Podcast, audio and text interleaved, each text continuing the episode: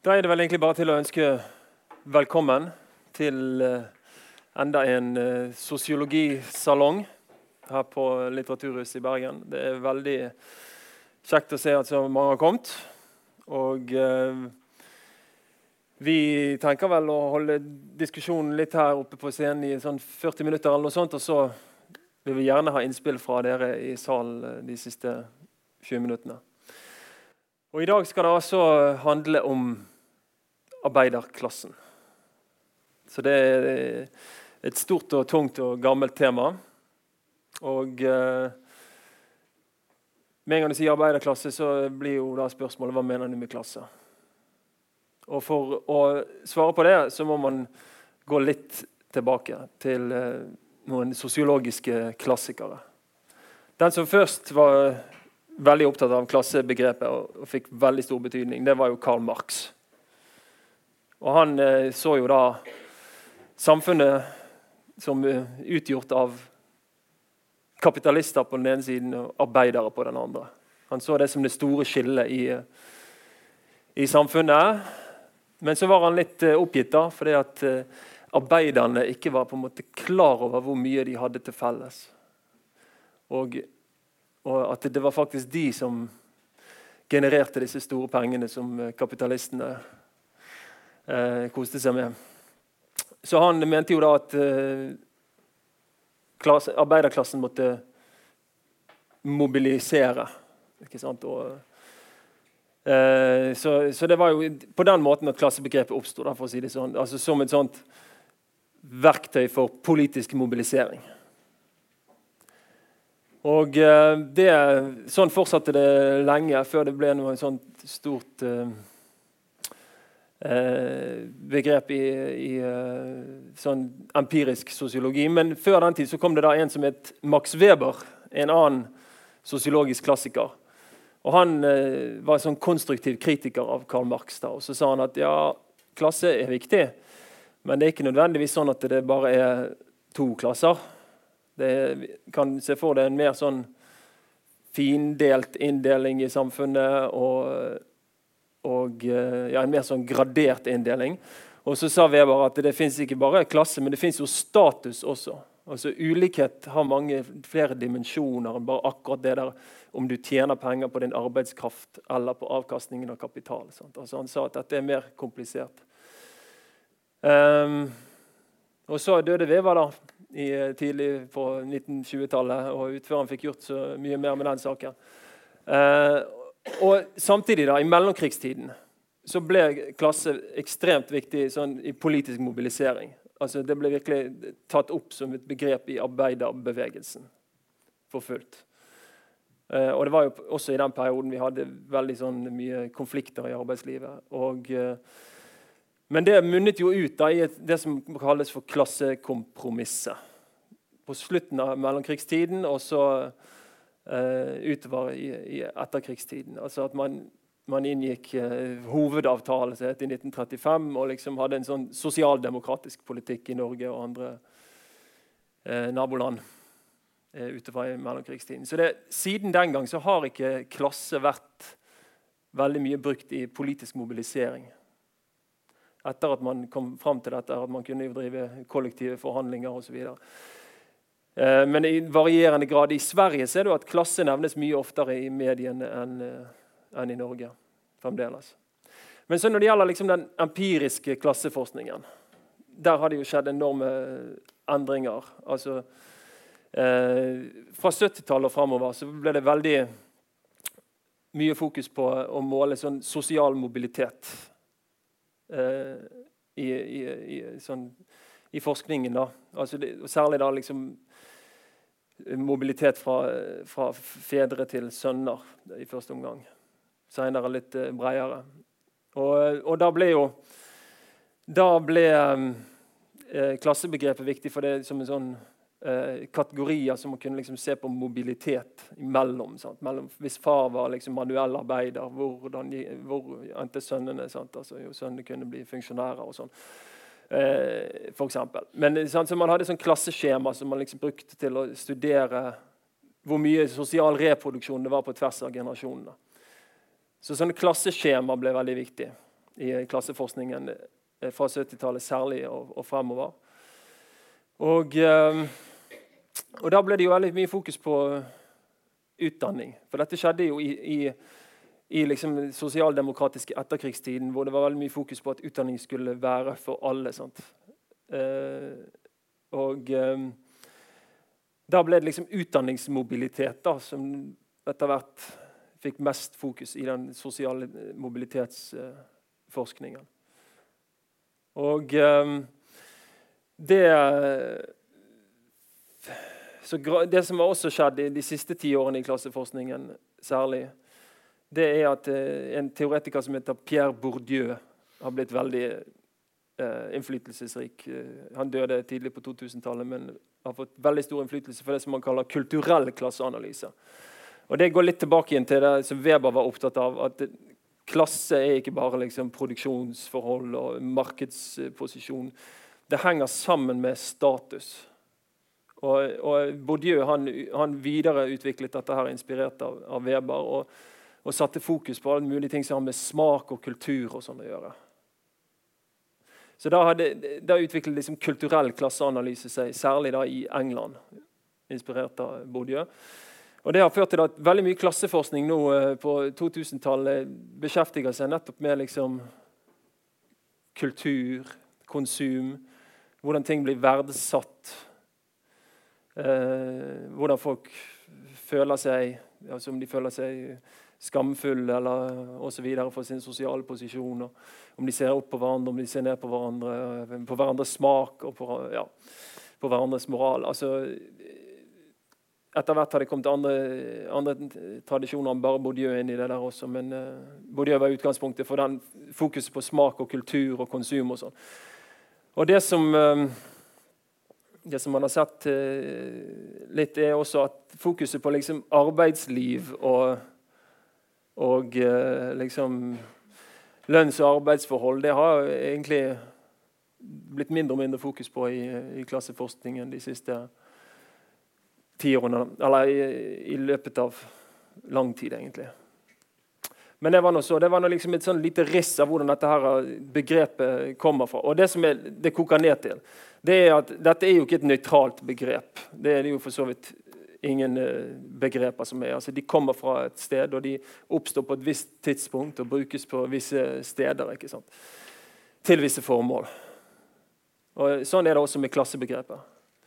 Så da er, da er liksom spørsmålet hva er det man legger i dette begrepet. Og, og uh, det kan man snakke lenge om. Nå skal ikke vi ha en veldig sånn teknisk diskusjon om det her. Altså, det vi kan bare konstatere, er at folk snakker om klasse både med utgangspunkt i, i uh, sånn yrkesposisjoner i arbeidslivet. Sant? Manuellarbeider, funksjonær osv. Leder. Og de snakker om, om klasse med utgangspunkt i inntektsforskjeller. Og de snakker om klasse med utgangspunkt i utdanningsforskjeller. Eh, altså at man liksom f.eks. gjør sånn som Ove her har, uh, har, uh, har gjort. Altså, altså, man tenker at liksom Ja, vi gjør det, tenker liksom de som har videregående eller mindre, at det er arbeiderklassen, og resten. Eh, middelklasse eller øvre middelklasse eller elite. Altså utallige sånne klasseskjemaer man kan lage seg, enten med utgangspunkt i yrke eller inntekt eller, eh, eller uh, utdanning. Det, vi skal ikke ha en veldig teknisk diskusjon om det her nå. Men um, jeg tenker at nå har jeg liksom spent opp et lite lerret, så nå kan jeg uh, begynne med å, å uh, spørre Ove her om noen ting. Og, og altså vi kan jo for så vidt ta det litt sånn Altså, Ove han, han kom, kom, vel inn i eh, klasseforskningen kan man si, for en 15-20 eh, år siden.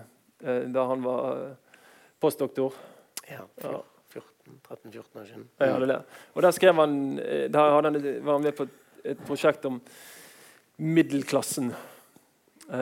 Og skrev da en artikkel som heter 'Den legitime kulturens moralske forankring' i 2007. Som ble liksom en sånn skikkelig hit av en artikkel. Da. Den liksom startet en egen debatt som heter Skarpenes-debatten. Eh, oppkalt etter Ove Skarpenes. Og, så, men det som jeg kan spørre deg om, er jo liksom Hva var det som Går det an å spørre om det? Altså, hva, hva, var det som inspirerte deg til å begynne å, å forske på klasse? Du hadde jo liksom forsket på utdanning og, og sånn før, og så gikk du over til klasse. Hvorfor det? Uh, ja, altså det er jo nære sammenhenger mellom utdanningssosiologien og klassesosiologien, kan vi si. Uh, og i det uh, middelklasseprosjektet så var jo også um, kunnskapsdelen en viktig bit. Altså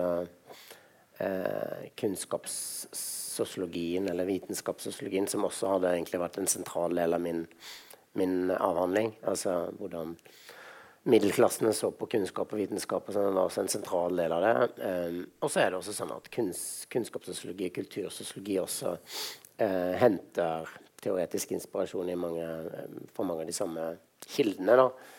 Um, så det er jo det. Men var det ikke altså en sånn uh, Jeg får følelsen når jeg leser de tingene dine, at du, noe av det som har inspirert deg, er at du føler at en del av den litteraturen og forskningen om klasse internasjonalt, at den kanskje ikke bare passer så godt på norske forhold? Mm, jo, det opp, ja. var, det, var, det, liksom en Altså, kan du si eh, Jeg vil si allerede i min avhandling, som handler om eh, kunnskapsendringer i videregående skole fra midten av 60-tallet til midten av 90-tallet, med, med liksom fokus på norsk og matte og samfunnsfag, så eh, begynte å tilnærme meg det eh, feltet der også med liksom Bourdieu og Foucault og den type teorier. Men, men det butta mot på en måte i møte med det empiriske materialet. Jeg syns ikke de bourdieuske liksom, analysene av uh, utdanning uh, helt reflekterte det uh, Eller de var ikke en god innramming for å forstå det norske utdanningscaset heller. Um, så utvikla jeg vel en eller annen sånn eh, tvil til om det var den rette måten å forstå eh, den, del, den institusjonen i det norske samfunnet og den institusjonen i det norske samfunnet. Det mener jeg også er en veldig viktig sånn sosiologisk uh, idé. At den institusjonen i samfunnet den er viktig som en institusjon i en større samfunnsformasjon. Sånn Utdanning og utdanningssuksess det er viktig i alle land, men det betyr ulikt i ulike land. Eh, og innholdet og, og uh, utdanningssuksess er litt sånn forskjellig fra, fra både eh, Eller fra US Frankrike, da, hvor denne reproduksjonsmodellen er utvikla, og det norske caset. Og det var også en del av de innsiktene som vi tok videre med i, i studiet av av middelklassene. da. Men jeg vil også si kanskje litt om det klassebegrepet, som ikke skal bli en teknisk mm. diskusjon. Så tenker jeg at det er jo i det er jo også et, det er jo et empirisk spørsmål.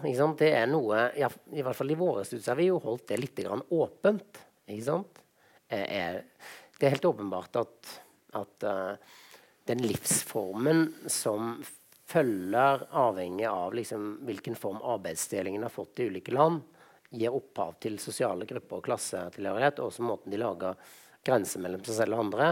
Men det er også et empirisk spørsmål å, å forsøke å finne ut av, av hvordan er det disse gruppene som vi, da selvfølgelig med, Når du skal ut og intervjue noen, enten det er folk med høyere utdanning eller lavere utdanning, så må man jo foreta et utvalg. Hvordan de ser på dette her, hvordan mm. de tematiserer det mm. osv. Så, så f.eks. når det gjelder arbeiderklassen, eh, så kan det jo godt være ikke sant, at ikke det er én arbeiderklasse mm. i Norge, men at forskjellene er så på store at en industriarbeider i, i uh, Årdal uh, vil være ganske forskjellig fra en helse- og sosialarbeider på Røa eller uh, en, en, vaskehjelp i, på Sørlandet, på en måte. Mm. Men vår intensjon liksom, med disse studiene har vært å se likevel ikke sant?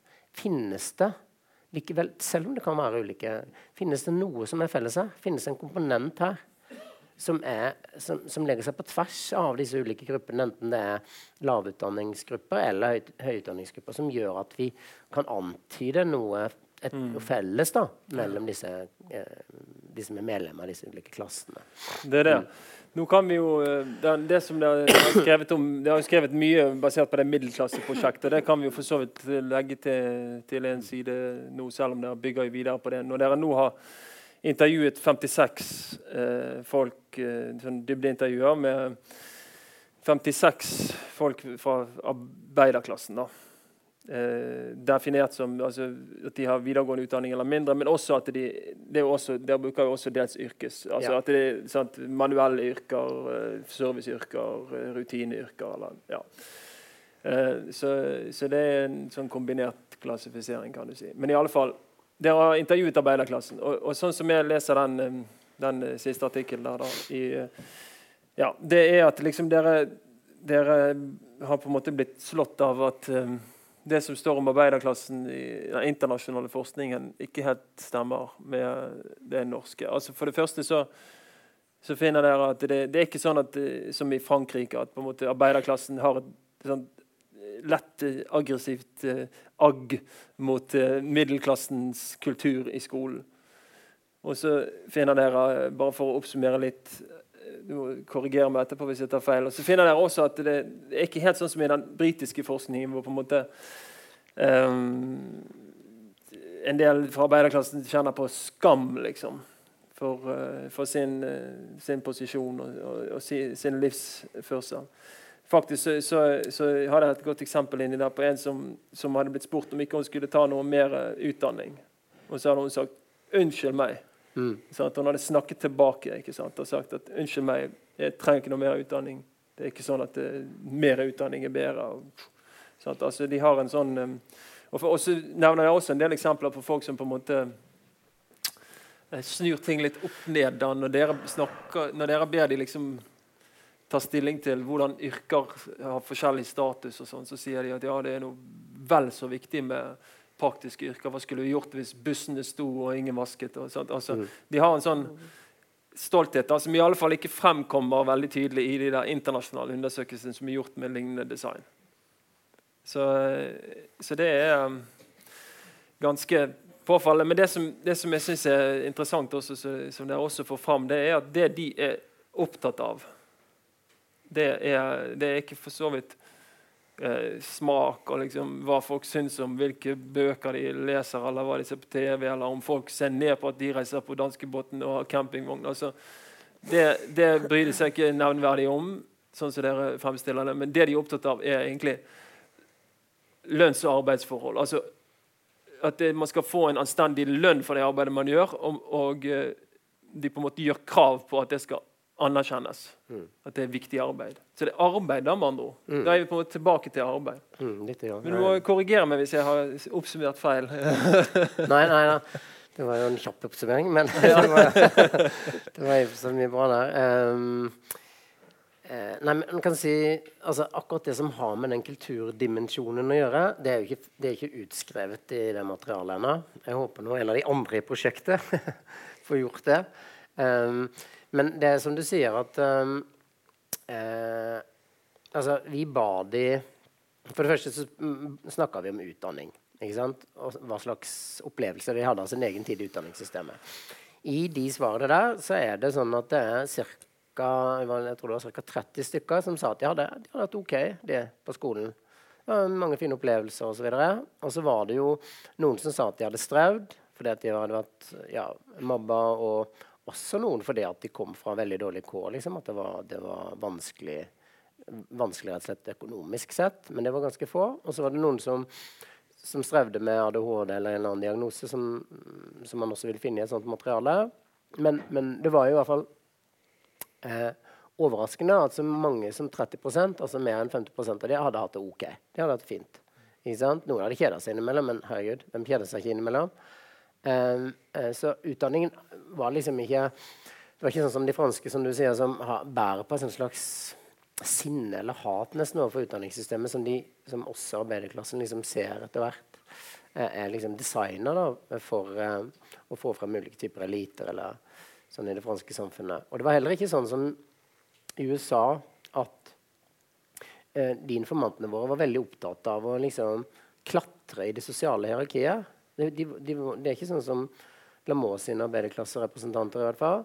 De er veldig opptatt av liksom, the self-made man og komme seg høyere og tjene mer penger. og sånt. Nei, de var opptatt av som du sier, av at det arbeidet de gjorde, skulle verdsettes, og at det skulle gis en anstendig lønn for det. Og det som er, det som er sånn, uh, interessant, er at når vi ba de om, om, å rangere yrker, så ba vi de først rangere yrker sånn som du mener at samfunnet mener er en uh, adekvat rangering. Og da kommer liksom De er jo ikke ignorante, disse folka her. Da, da kommer aksjemeglere og jurister og leger og sånn på topp. Og så, de, og så, kommer folk som sitter i en eller annen uh, kasse på en butikk eller rengjøringshjelp og sånn. De kommer på bunnen, kanskje. Eller hvis de er på håndverk. Det er samfunnets rangering av det. Men så kommer deres klassifikasjon av det. Den er en annen. De er ikke enig i den type måte. Den, det hierarkiet som liksom er eh, det de opplever som samfunnets generelle syn på, på viktigheten av arbeid. De mener at sant, hvis alle lederne i Oslo streiker en dag, så er det ingen som merker det. Sant? Ingen merker det da. Men hvis alle sjåførene i Oslo streiker en dag, så er det fullt kaos. Så den, og, og, så trekker de fram massevis av eksempler. Ikke Hvis ikke jeg sveiser rørene under Haukeland sykehus, så går Haukeland syke kan, kan, ikke operere, kan ikke gjøre noen ting der. Hvis ikke eh, jeg sitter i, i, kassa på Rimi og, og serverer, så, stopp, så, er det ikke noen eh, varer å, å, få.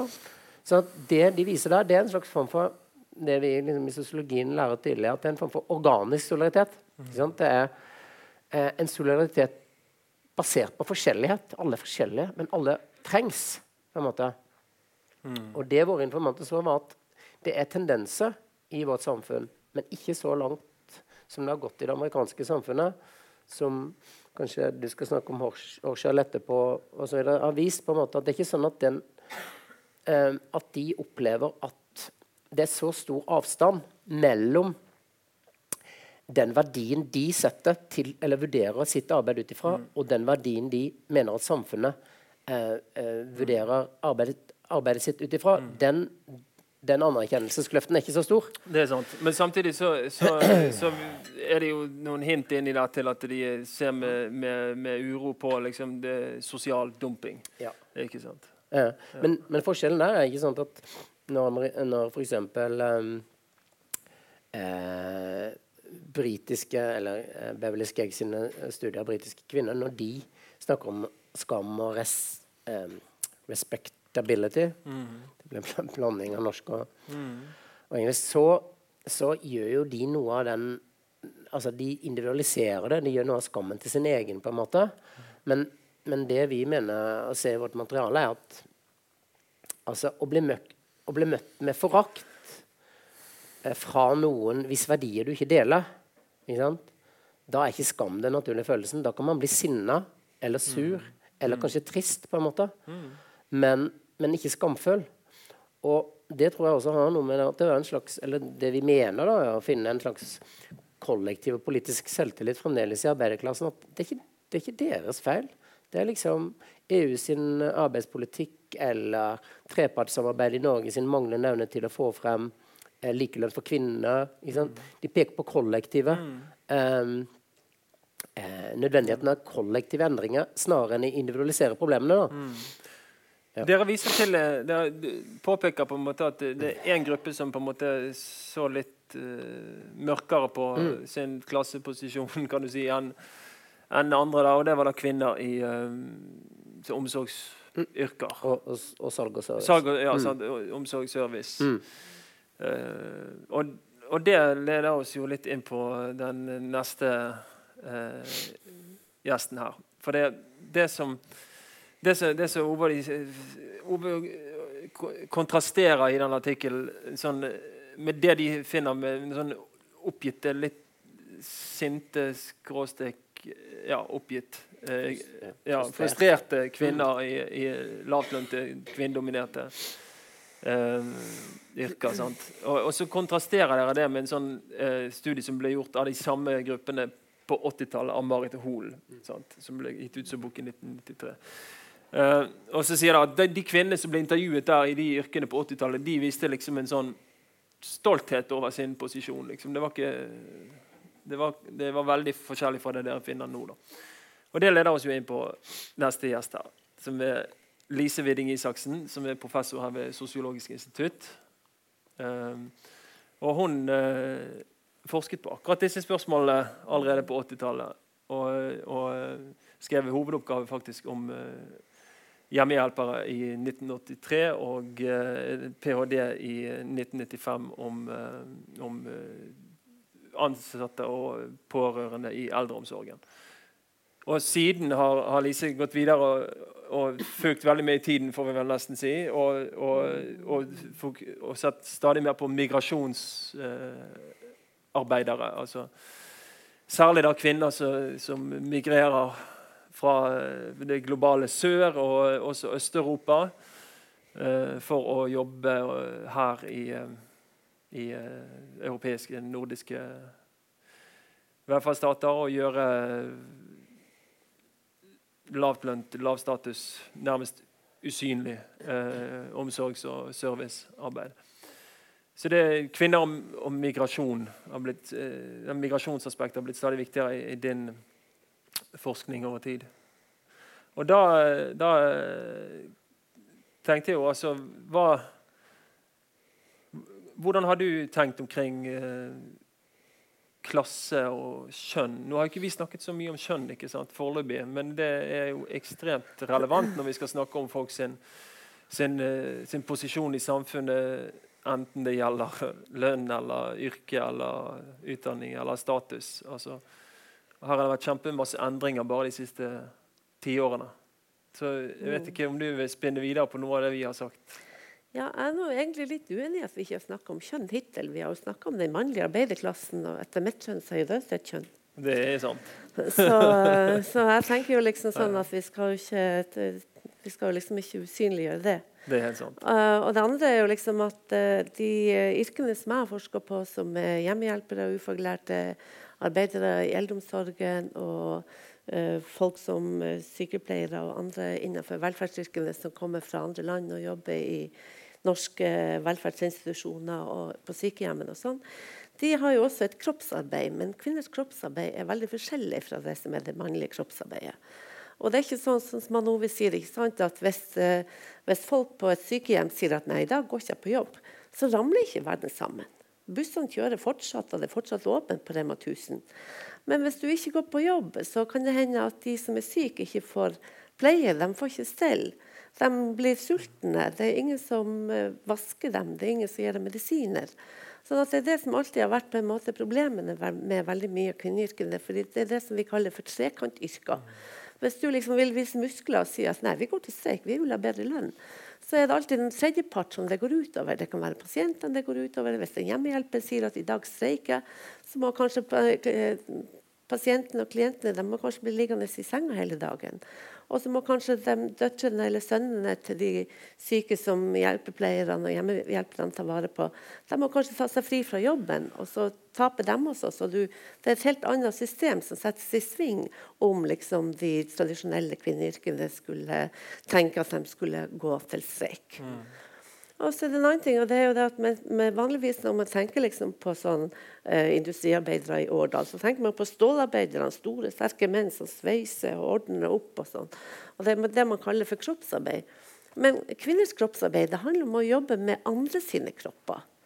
Og det er også sånn at Innenfor de medisinske yrkene så finnes det et hierarki som ser veldig likt ut som det samfunnshierarkiet ellers. Da er det liksom De som jobber med jern, de har toppstatus, og kirurger, hjernekirurger er liksom helt på topp. Og så har vi de som har liksom jobber med liksom eh, sykdommer som er knytta til liksom, avanserte former for forskning, som f.eks. For det kan være eh, sånn, lymfekreft eller andre ting som er liksom, mye forskning på feltet. Det kan være andre sykdommer som er litt sjeldne og litt eksotiske. Og på bunnen av dette hierarkiet så er det altså de som har sånn helt tradisjonelle, vanlige uh, sykdommer, som f.eks. at folk blir demens, eller at folk blir inkontinent, eller at du eh, har åreknuter, eller at du har noe som er helt sånn folkelig vanlig.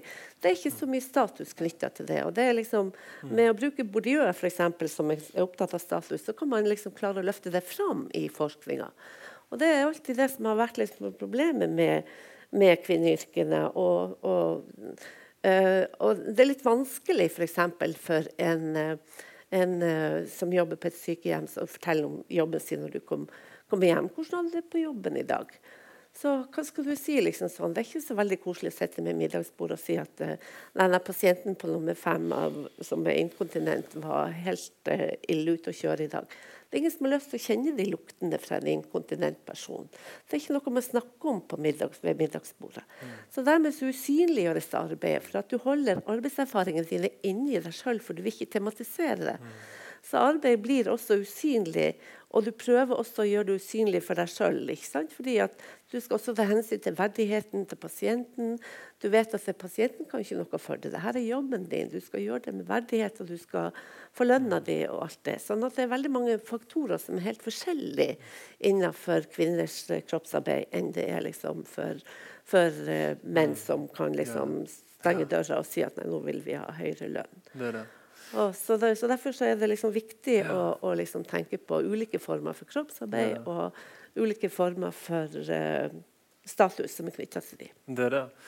Og, og i, i, forlengelsen av det du sier, så, så, er det jo sånn altså, Rett og slett en sånn uh, Hvilken forhandlingsposisjon man har i kollektive forhandlinger. Sant? Og, uh, altså hva man har mulighet til å gjøre av streiker, men også for så vidt hele denne frontfagsmodellen. Ja, det vi, kunne vi snakket lenge om. Men, men eh, altså, hvis vi tar det litt sånn Du har jo vært i dette feltet som du snakker om nå, siden 80-tallet. ikke sant? Og, og, sett en enorm endring da av, av liksom livsbetingelsene for de som utfører dette arbeidet. Ja men også selve liksom, populasjonen, hvem som utøver dette arbeidet, mm. har forandret seg. Så liksom, Hva tenker du om eh, liksom, hvis, du, hvis, du, ser dette som en, en, en, fraksjon av arbeiderklassen, da, for å si det sånn Hvis du ser det som en, en undergruppe av arbeiderklassen, eller noe sånt, altså, hvordan har liksom denne gruppens betingelser, både når det gjelder lønn og status og, og sammensetning, forandret seg liksom, siden du begynte å forske på dette? Jo, det ble en veldig stor forandring etter vi fikk den nye helsereformen som kom i 2001-2002, da uh, Tønne var helseminister. Fordi at Da begynte vi å få foretaksmodellen innenfor, uh, uh, innenfor sykehussektoren og innenfor sykehjemmene innenfor hele velferdsstaten. Og det gjorde det mulig at du kunne liksom sånn outsource ansettelser til et bemanningsbyrå. Mm. Og en av de første uh, outsourcingene man gjorde, det gjorde man faktisk på, her på vestlandskysten med at det var flere uh, sykehjem som gikk sammen. Og så sendte de uh, samarbeidet de med uh, sykepleierutdanninger og forskjellige kommersielle byrå i de baltiske landene, som den gang akkurat var begynt å få, bli selvstendige nasjoner etter at de kvitta seg med Sovjetunionen i 1989. Og Da eh, begynte man også med internasjonal sykepleierrekruttering. Og Da gjorde det på den måten at istedenfor at man ansatte folk i hele stillinger, så kunne man f.eks. når folk hadde sykepermisjon, eller du hadde fødselspermisjon, eller eh, andre former for permisjon, så kunne man da klinge til et eh, byrå, og så kunne du få f.eks. sykepleiere fra Latvia eller Litauen, eller eh, også fra Polen i en periode, som kunne komme til Norge og og eh, gjøre, ta vare på de vikariatene.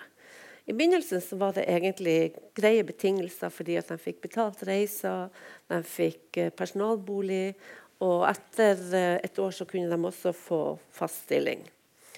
Det forsvant ganske fort. Og nå er det sånn at hvis du F.eks. så har vi jo flere byråer som jobber med, med Litauen.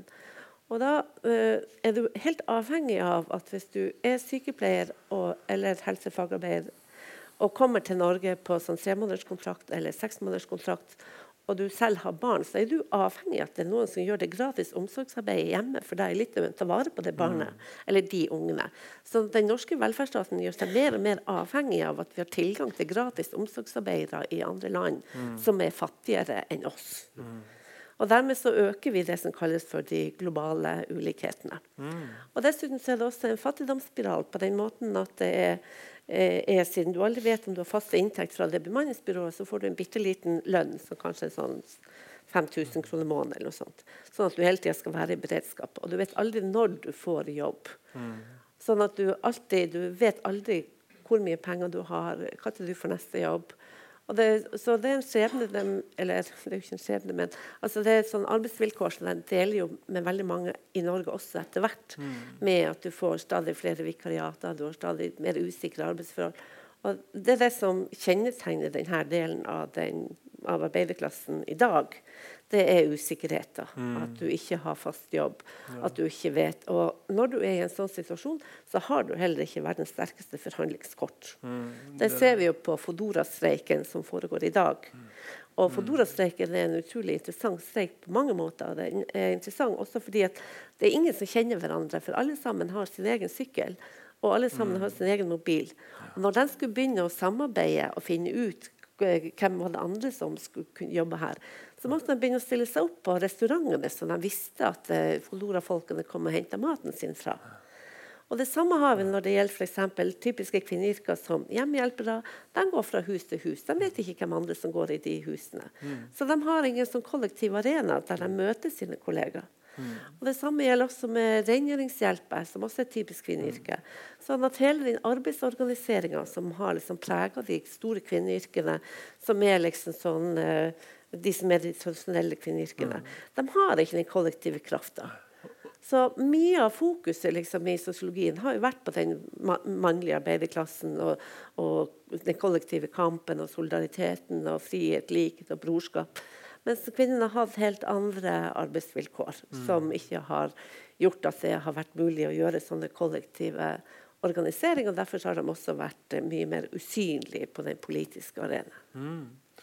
Ja, og du har jo også språkbarrierer, rett og slett. Når det er så mange forskjellige landbakgrunner, så man skal liksom samarbeide på tvers av språkbarrierer. Bare det er jo et hinder. Men altså, når det gjelder klassebegrepet, hvordan liksom eh, Hvordan har du liksom funnet klassebegrepet hjelpsomt i din forskning? Og, og har, du, har din liksom innstilling til klassebegrepet forandret seg over tid? Eller hva tenker du om det? Ja, selvfølgelig har det jo det. Altså, det skal jo ikke puttes under en stol at forskninga på 1980-tallet var jo prega av at uh, vi hadde ganske eh, store og heftige diskusjoner mellom oss som var kvinneforskere som det på den tida, og det som var de tradisjonelle sosiologene. Så Gutta holdt på med Marx og mente at alt handlet på Marx. og Når man skulle klassebestemme liksom, folk, så var det sånn at kvinnene ble klassebestemt ut ifra mannen de holdt sammen med. Ja. Så det var ingen som hadde liksom sånn sine egne yrker og sine egne penger og sin egen status. Og sånn, så, og da var liksom en av de store fightene da, det var liksom sånn f.eks. at man mente at uh, når man skulle undersøke sosial mobilitet i Norge, så måtte man se på fars yrke. Og det var fars yrke som bestemte hva slags utdanning og, og, og status ungene ville få. Men etter hvert så har det jo vist seg at det er faktisk mødrenes yrke og utdanning som påvirker barn mest. Sånn at det har forandra seg ganske radikalt i løpet av veldig få generasjoner. Og det er klart at Da er jo det betydning av utdanning man må jo da stille spørsmålstegn med. Det er mm. kanskje liksom ikke Marx den som er mest relevant, det er kanskje Bourdieu som har mer mm. å, å, å, tilby når man skal analysere utdanningens betydning i konteksten som vi lever i i dag.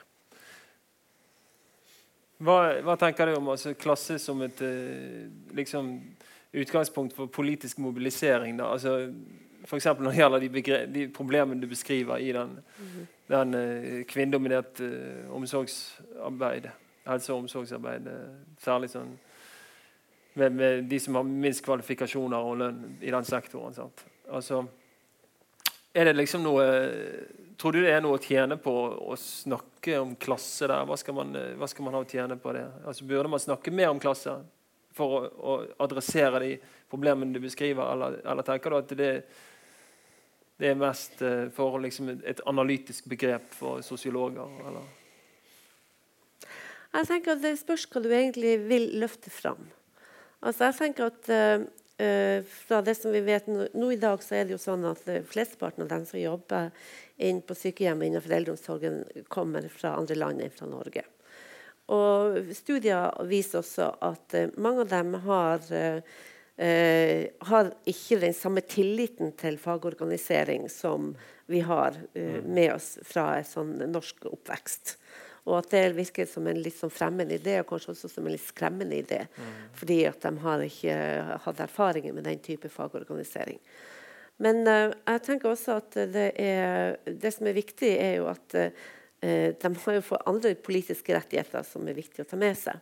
Men språket er jo selvfølgelig et problem når det gjelder dette. Mm. Fordi Det gjelder ikke bare liksom arbeid som skal utføres på plassen, men det gjelder også den, den, den, følelsen av kollektivitet som du har når du sitter på pauserommet. Det er det faktisk vanskelig å utvikle en kollektivitet hvis du ikke kan snakke sammen. Hvis det er vanskelig å ha et felles språk, hvis det er folk fra Polen, Irak, Afghanistan, Somalia som skal sette mm. sammen, så er det, hvor skal du finne en fellesnevner? Mm. Så det er ikke så enkelt som det var for 20-30 år siden. Mm. Du, jeg vet jo at du eh, ser en del på reality-TV. Yes, ja. det er sant. Så da, da, kan vi jo kanskje vri, vri, det litt tilbake til det med, med kultur eh, og smak og anerkjennelse og sånne ting. Altså, du, du ser mer på reality-TV enn meg, men, men um, har du tenkt på liksom, hvordan, hvordan, arbeiderklassen framstilles på, på eh, reality-TV? Ja, altså Grunnen til at jeg begynte å kikke litt på det, det er rett og slett fordi at uh, jeg uh, har jobbet en del med en amerikansk zoolog som heter Ali Horshild. Og i hennes bøker om, det, om, de polariseringsprosessene som foregår i USA i dag, så sier hun at grunnen til at det amerikanske samfunnet er i ferd med å bli del, dele seg opp i to, eh, grupper som strides mot hverandre, det er bl.a. at eh, de, eh, de, gruppene, de sosiale gruppene som ikke er øverst på rangstigen, de blir alltid tematisert nedover i det som er liksom, som berømte TV-program. Mm. Altså, hvis vi liksom ser også på liksom sånn, hvor er det man ser vanlige arbeidere i dag, er, hva er det de gjør? Så kan vi finne dem, Da kan vi kanskje dra på en campingtur eller på Syden eller andre plasser som på en måte liksom Eh, er knytta til aktiviteter som ikke nødvendigvis har veldig høy status. Selv om det kan være utrolig trivelig for den som deltar i de programmene. Så er det liksom også viktig å tenke på hvordan, det fores, hvordan dette her ser ut i blikket til de andre som er publikum for disse programmene. Mm. Og jeg tenker Det er to ting som jeg syns er, er viktig med det. Det ene er at uh, det er spesielt to filmer som jeg syns er veldig gode, uh, gode filmer, som kan være annerledes enn sånn, eh, de reality-TV-programmene som vi ser. Og Det ene er et, eh, en film som heter 'The Help', heter den, eller 'Barnepiken' heter den på, på norsk. Den er fra 2011. Der det handler om en uh, jente fra sørstatene. Hun er hvit. Hun har vokst opp med svarte hushjelper og gått på forfatterskole i New York og kommer tilbake til Jackson. Og så begynner hun å gjøre intervjuene og ha notatene til de svarte hushjelpene som jobber i det området. Og hun er utrolig glad i det som har vært hennes nanny. Og det er veldig sånn sterkt kjærlighetsforhold mellom de. Og for hun som har vært nannies, så er det også liksom sånn vet, Hun er også veldig glad i denne jenta som hun oppfatter som sitt eget barn, eller mindre. Mm. Så det, det, er et tema som egentlig aldri har vært diskutert i de serviceyrkene. At det kan utvikle seg nære relasjoner som er mm. veldig gode og som er veldig viktige når du begynner å se det fra et barns perspektiv. For den jenta, var jo, det her dama, den var jo super. Det var jo det som var mora med stor M. Mm. Og det er en utrolig sånn vakker historie der og på en måte også driver intervjuer disse hushjelpene, og så begynner hun å intervjue vennene hennes, og plutselig så begynner liksom ting å rulle, og så ender det opp med sånn kollektiv mm. action, for å si det sånn. Ja, og det andre en, som heter, hvis du skal se det fra sånn, eh, et annet yrke som også er like interessant, altså folk som jobber sånn i, i BPA, brukerstyrt personlig assistanse. En film som heter 'Intouchable', som handler om en sånn fransk millionær som er blitt lam fra, fra nakken og ned og, og, er på jakt etter en personlig assistent. Mm. Og så kommer det liksom inn en, eh, en svær mann, og så uh, egentlig bare vil ha underskrift på at han, har vært, hatt med seg papir fra Nav. Og så vil han bare at han skal skrive under, sånn at han kan vise at jeg har søkt jobb i dag. så nå kan jeg få trygda mi, liksom. Men så viser det seg at han her er jo fra Marokko eller Tunis. så Han er sånn typisk sånn, konstruert som en sånn innvandrernaver. Som en sånn uh, ung muslimsk mann uten jobb og sånn. Så plutselig så utvikler det seg til noe helt annet, og de blir utrolig gode venner. og så ender opp med liksom sånn at de liksom connecter og blir nesten sånn uh, bestekompiser. Mm. Og det er veldig to veldig fine sånne filmer som er litt sånn motvekt til den litt sånn traurige norske reality-TV-en som skal liksom handle om såkalte vanlige folk. For det der er jo filmer som egentlig gjør liksom vanlige folk til heroes. Det det. Altså, og som viser liksom betydninga de kan ha for andre. Altså Arbeidet det de gjør, kan få en sånn fin emosjonell betydning for de andre. Ikke bare sånn betydning i forhold til bruttonasjonalprodukt. Og, ja, det er det. Altså, ja. Og det er jo sant, Vi kunne jo snakket lenger også, sånn som du antyder. Altså, det er jo masse sånne skillelinjer i denne delen av arbeidsmarkedet som går både på kjønn, men også på etnisitet. og Masse spenninger. Og også du har fått inn flere menn med innvandrerbakgrunn. Ja, det, det, kunne vi snakket lenger om. Men, men, la oss spinne litt videre på det her med, med, med reality-biten der. For, for i, i, England der har det vært en del sånn eh, skriverier om det at, at arbeiderklassen blir stigmatisert på reality-TV. Altså Du har fått sånn poverty porn, kaller de det. Altså Med sånn Benefit Street og sånne programmer hvor liksom, som fremstiller arbeiderklassen som utrolig uh, dumme. da. Uh, og, og det, men det er annerledes i Norge. altså hva tenker du om, Hvordan ser du real arbeiderklassen fremstilt på, på, på, TV i Norge? Er ikke det ganske forskjellig fra poverty porn? Nå er ikke jeg så veldig uh, inne i uh, reality-showene, altså. Nei, nei. Uh, nei. Um, men altså, når man men, ser på liksom, sommerhytter, så er det jo ikke sånn at arbeiderklassen blir latterliggjort. Nei, nei. Altså, jeg tror i hvert fall den Altså det man hører, eller Når man leser sånn uh, britiske aviser om den type demonisering på en måte av arbeiderklassen, som jo at de er uh, At de er liksom uh, Ja, som du sier, benefit på en forbrukere, på en måte, så er det jo ikke så Tror jeg i det hele tatt så tydelig i de norske realityshowene, selv om selv om jeg ikke har studert verken Paradise Hotel eller Ex on the Beach, eller, um, så vil jeg tro at, uh, at det i hvert fall er mindre type stigmatisering uh, komparativt til England. Mm. Uh, men, men, men, det man kanskje kan si likevel, er altså, um, En kollega her i Bergen, Rune Saksen skrev en, mens vi holdt på med arbeidet med, med dataene her så, så, leser vi jo litt mer Eller,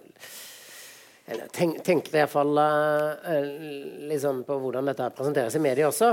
Uh, og det man kanskje kan si, er at uh, arbeiderklassen det, det, eksisterer ulike fortellinger om arbeiderklassen i media. Altså, Fremdeles så finnes et slags bilde av arbeiderklassen som en slags helt. Uh, Iallfall den mannlige arbeiderklassen. Da, som den som en slags helt i konstruksjonen av den norske velferdsstaten og modellen osv. Historikerne er veldig opptatt av det. ikke sant? Eh, det var de som drev frem universelle rettigheter og trepartssamarbeid og det kompromisset som du snakker om mellom arbeid og kapital osv. Og så kom kanskje en ny fortelling som vi sosiologer kanskje er delaktig i. altså det der med At uh, arbeiderklassen er på en måte de som mislykkes i utdanningssystemet. Um, Eh, altså med alle disse mobilitetsstudiene som kommer. Og mange, mye av den forskningen har vært viktig. Men, men, det er mye av den forskningen som ikke har tatt inn over seg det vi har snakka om, altså, om, arbeidets betydning. Da. At det er, også, det er jo ikke bare posisjoner som reproduseres. Det er også ikke sant, solidaritet, fellesskap, eh, kollegialitet, som også er en del av arbeiderklassens kultur. på en måte. Eh, og Hvis ikke man i studier av arbeiderklassen også eh, i tillegg til utdanning også ser på arbeidet, på en måte, så forsvinner den delen. Det er ikke alle altså, rett og slett så er det sånn at det er ikke alle i arbeiderklassen som drømmer om seks opp universitetet og så en kontorjobb. Ikke sant? Det er mange som har ønsker om et annet type liv, rett og slett. Det det. Um, så det er noen uh, det, det, som er premisset i mange av disse mobilitetsstudiene, det er på en måte at det er et hierarki her. Og i det hierarkiet så er veien oppover gjennom utdanningssystemet. Mm. Så istedenfor liksom å, å å være så utrolig fokusert på det, så bør man kanskje eh, problematisere selve hierarkiet. At, og det er det jeg føler, eller opplever at de arbeiderne som jeg intervjuer, de vil ikke ta høyere utdanning. Men de vil ikke at de jobbene de har, skal synke i anerkjennelse og lønn. Mm. De vil heve Særlig mange av kvinnene. De, mange av de syns at de hadde en god jobb. Altså, mange av de var ganske fornøyde, men de vil ikke altså, sånn som hun ene sier at okay, jeg, jeg, jeg, har et, jeg har hatt et godt liv på en um, på et uh, sykehjem i Eller var det aldershjem uh, på østkanten i Oslo. Men ikke sant? jeg tjener 270 000 i året og, med å holde på med mennesker. Mens uh, går du ned på Aker Brygge, så tjener de 2,7 millioner for å holde på med penger. Ikke sant? Jo, hun sier at dette er jo egentlig et samfunnsproblem. Mm. Så hun vil heve verdien av um, Hun vil endre hierarkiet. så å si, Altså si at Vi må ikke la de um, prestisjen og verdsettelsen av klassiske både kvinnelige og mannlige arbeideryrker synke. Mm. Uh, Um, og det er en litt annen måte å tenke på mm. enn det som utdanningssosiologien eller mye av den mobilitetsforskningen mm. egentlig uh, har hatt som liksom sitt hovedfokus. Jeg tenker når de, liksom, Måten de argumenterte på, så var det liksom for å holde den gamle hva skal man si liksom, um, Arbeidslivsmodellen eller ved like, liksom. Uh, de kjemper på en måte en kulturell kamp for at ikke, ikke uh, rørleggeryrket eller rengjøringsyrket skal synke mer i prestisje. Det er det de er forbanna for. Um, så når vi liksom så på, på de arbeiderne våre, så, så, var liksom de mennene våre liksom, vi, vi, fant ikke disse sinte, rasende mennene som Ali Horshall finner i, i USA. Men vi fant liksom frustrerte, liksom småforbanna kvinner som ikke hadde fått liksom igjen for det de forrige generasjon kvinner liksom hadde trodd når de gikk ut i, eh, i uh, velferdsstatens yrker, da, som mange av de jo gjorde.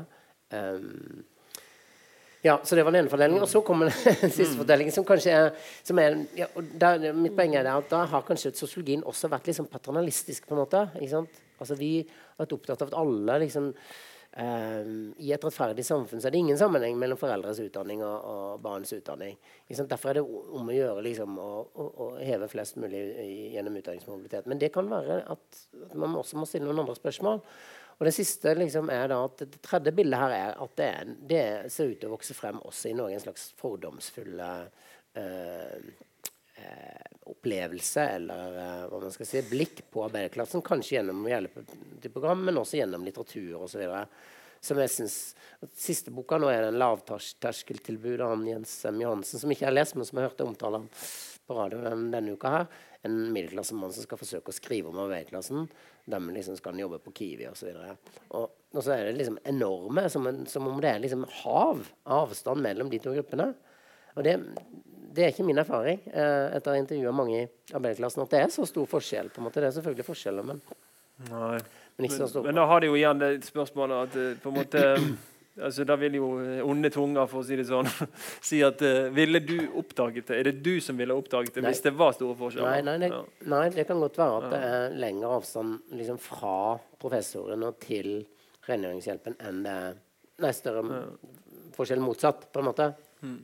Uh, så det, det, det har du helt rett i. Men, men det der eh, Jeg syns jo den debatten f.eks. om den boka til han Edvard Louis, som ikke kanskje er eh, reality-TV, men som også var liksom veldig mye på middelklassens premisser. Og det er masse å si om den debatten, og det, det, er vanskelig å bevege seg ut i det terrenget, har jeg fått oppleve før. Men når Kjartan Fløgstad reiste ned for å snakke med folk rundt der han vokste opp, så har jo de en annen fortelling enn det han har. Mm. Så man må man må også mm. eh, snakke med de Man kan ikke bare ha middelklasseblikket på det, og det har vært et av mm, våre forsøk her. i hvert fall, Selv om vi kan ikke komme fra at vi har høyere utdanning og er middelklasse, men i hvert fall få give voice til noen av disse mm. uh, ulike arbeiderklasseyrkene. Mm. Mm. Hvis det er noen som har lyst til å komme med noen refleksjoner eller spørsmål, eller sånt, så tar vi det nå. Da tar vi først det. Du eh, advarer deg om at det kan være dette kommer ut som podkast. Så, så eh, nå er du advart. Eh, det var litt det du snakket om nå sist. Ja. For du sier jo at arbeiderklassen sjøl ikke opplever at, et ønske om å klatre. Men for jeg vet at jeg ønsker ikke å jobbe på Kiwi. Eh, så det er ikke nok for meg, da. Men er det Og jeg opplever vel at flere rundt meg kan Kan det være nok? Mm. Eh, opp, opplever arbeiderklassen på det stigmaet fra ovenfra og ned? Hvordan sier de noe om det i studiene dine? Ja. Um, et par av de uh, uh, ja, Det var en kvinne som Kristoffer uh, refererte til i stad, som jobba på en, en menybutikk på ved østkanten i Oslo. Hun fortalte to historier. Den ene historien var liksom at det kommer eh, vestkantfamilier som har hytte nedover eh, i Hvaler-området, så stopper de gjerne på den menybutikken for å handle. Så fortalte hun at eh, da kunne det komme sånne eh, liksom pene vestkantfrøer, så kunne de si sånn Nei, men har dere ikke den sausen der, da? Den har de på Meny på CC Vest. Den må dere eh, se og få her, liksom. Altså, og også det um, Hun samme fortalte at da hun var hos legen, så hadde hun hadde hun liksom eh, ja, eh, sagt at hun jobba i, i, eh, på en menybutikk som ekspeditør. Og så, så, så sa legen sagt ja, men du som er så flink, skal ikke bruke evnene dine på en annen måte enn det. Og da hadde hun sagt nei, nei, nei, nå skal du høre her. Altså blitt, blitt forbanna, da. Um, et tredje eksempel som jeg kom på nå, det var en, en uh, dame som jobba som uh, Som også hadde fagbrev da, som rengjøringshjelp på et universitet i Norge. Så fortalte hun en gang at uh, så kom det en professor ut, og så sier denne professoren, som også var en kvinne, at Herregud, så heldig du, har, du er. Altså. Du slipper liksom alt det der slitsomme tankearbeidet. Og det er klart, det oppleves jo forferdelig eh, nedsettende eh, når, man, når, hun står der. Og det, det, er mange ting å planlegge og huske på. ikke sant? Altså, så det ble jo forbanna. Og så var det ja, en Jeg Kommer på ting mens jeg prater her. Um, en dame som hadde vært i et selskap, og så jobba hun som hjelpepleier da.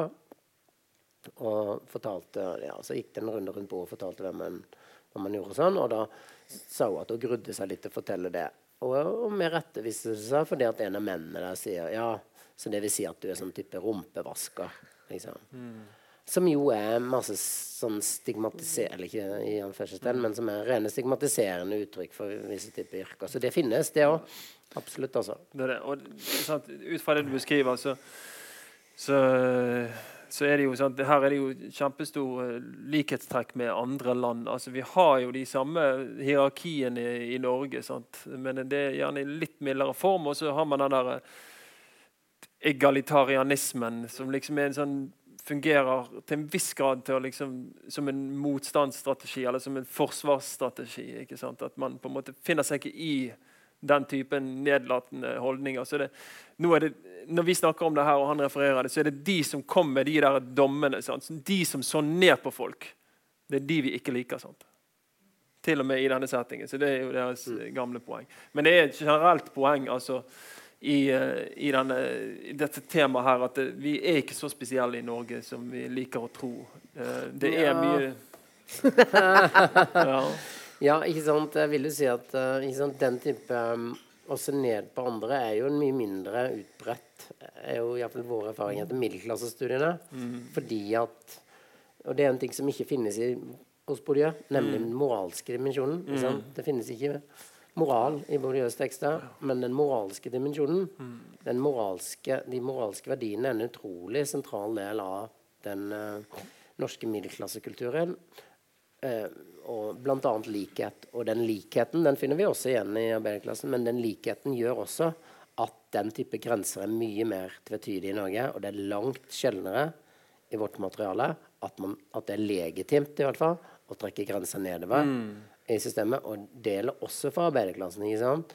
Arbeiderklassen har jo også kan du si, eh, folk som, som er enda mer, i enda mer prekære situasjoner, f.eks. innvandrere i noen situasjoner. Og de er mye mer nølende til å trekke grenser mot fattige innvandrere enn vi ser i materialet fra en del andre land. Mm. De trekker heller grensene oppover mot de økonomiske elitene. Mm. Eh, pappagutter, jenter fra JAR, eh, folk som har kommet til penger for lett osv., enn de trekker grenser nedover mot innvandrere. Mm. Hvilket i, i marxistisk forstand kanskje er vanskelig å forstå, vil jeg si, fordi at um, altså Jo større, i hvert fall i sånn tradisjonell marxistisk forstand, så burde disse grensene vært mye tydeligere i USA. Sant? Fordi at der er forskjellene så enormt store på en måte at, at eh, homogeniseringen innad og polariseringen mellom er så stor at i et marxistisk skjema så ville dette vært mye mest clash. Ja. Mens i det, i det mer likhetsorienterte Norge eh, så, så kunne man iallfall i marxistisk forstand tenkt at disse konfliktene er liksom mindre pga. velferdsstatens eh, velferdsstaten som oppgir for folket. Sant? Altså At ikke de konfliktene er så tydelige. Men da ser det ut til at denne kulturelle verdien som likhet trer inn og gjør at man eh, ikke trekker like tydelige grenser nedover i, i hierarkiet. Som, Ja. Jeg har en kommentar til det, og det er når det gjelder marxistisk klasseanalyse, så er det det at den har, veldig ofte har vært fargeblind. Ja. Altså, hvis, du en, hvis, du gjør en, studie i USA, så må du rett og slett ta høyde for den rasismen som finnes i den amerikanske befolkninga. Mm.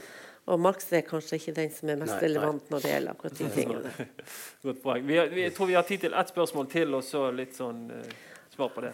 Um, ja, for uh, Dere snakka om at uh, arbeiderklassen ville ta så legitimere en yrkesstolthet gjennom det at det arbeidet de gjør, var en nødvendighet for samfunnet. Eh, det de gjorde, det måtte gjøres. Hvis ikke noen gjorde det, så ville det stoppe opp. og da var viktigere at det sto folk på bakken enn at det var folk i lederposisjoner som var på toppen. Eh, hvordan vil dette fungere i møte med en større automatisert hverdag? Eh, selvutsjekking på dagligvarebutikken. Vi har automatiske støvsugere som kjører rundt hjemme. Det er selvkjørte biler. Hvordan vil arbeiderklassen som nå belager seg på at deres posisjon er nødvendig, møter virkeligheten at det de gjør, ikke nødvendigvis vil være like nødvendig lenger, når det vil finnes alternativ for det? Mm. Veldig veldig godt og veldig veldig stort spørsmål. Så uh, altså um, Der er det jo uh, Der er det jo for det første viktig å påpeke at det er jo grenser for hvor langt den automatiseringen kommer til å gå. Uh, hvor langt den kan gå. Det fins noe som heter Eh, noe som gjør at det er veldig vanskelig å automatisere praktiske oppgaver. Eh, faktisk. Praktiske oppgaver som ikke er rutinepreget. Altså Verdens beste håndklebretterobot bruker liksom en halvtime på å ta et håndkle opp fra gulvet og brette det. Altså, det lønner seg ikke. Det kommer ikke til å lønne seg i, i f.eks. vask av hotellrom. Eh, og, for det er så veldig mange forskjellige praktiske operasjoner som roboter sliter med. Det, da det, vil det alltid være tilgjengelig billig arbeidskraft som har en dårlig forhandlingsposisjon, som kan gjøre det arbeidet billigere. sånn som du er inne på. Eh, men så er det jo det andre, hva er det vi vil at maskiner skal gjøre? ikke sant? Og Da er jo vi inne på, på Lise sitt område her. ikke sant? Altså, Pleie og omsorg. ikke sant? Altså, der er det jo veldig mye snakk om roboter. og Ønsker vi at, at uh, maskiner skal overta det arbeidet? ikke sant? Du har jo f.eks. I eh, Japan utvikler de jo sånn eh, pleie- og velferdsteknologi der du kan få en sånn pleierobot pleiерobot med ansiktet til din datter eller din sønn, helst din datter siden det er døtre som tar dette arbeidet. Og også innlagt stemmen som er akkurat maken til din sønn eller til din datter. Sånn at du kan få en perfekt etterligning, og som selvfølgelig er, er, har helt andre vilkår. Og det viste seg f.eks. i japanske kontekster at det er ok, de har en mye større aksept for det her enn man f.eks. har i Norge. Men det er, liksom, det, det er jo et av de scenarioene, og velferdsteknologien er jo i full ferd med å utvikle seg. så Uh, og det er også sånne roboter som f.eks. kan løfte eldre og løfte dem opp, og, og, sånn at du ikke får så masse løft blant de som jobber i, mm. i den praktiske eldreomsorgen. Og det er faktisk en stor fordel. Mm. Fordi at det er enorm slitasje på, på, nakke og rygg og skulder. Mm. Og det vil jo også si at Hvis du kan få en sånn robot som kan bidra og løfte, så er det jo også sånne maskiner som uh, kan vaske og tørke. og, og sånne ting. Og argumentasjonen til den som lager disse robotene, sier jo også at ja, men det er jo uh, For på slutten av, uh, av dagen, når du er veldig trøtt, så er du kanskje litt sånn uh, sliten. og sånn, så Hvis du har en robot som vasker rent og fint hele tida, så, så, får alle sammen uh, lik mm. kvalitet på pleien. Ja, eh, altså det, det ene utelukker ikke det andre. Vi har samspilt med maskiner uh, lenge, og det kommer vi til å, å fortsette med. Eh, så jeg tror at vi bare må avslutte nå. Og jeg syns det har vært en veldig gøy diskusjon selv. og, og Tusen takk til eh, Lise og Ove som stilte opp her. Og tusen takk til alle som kom.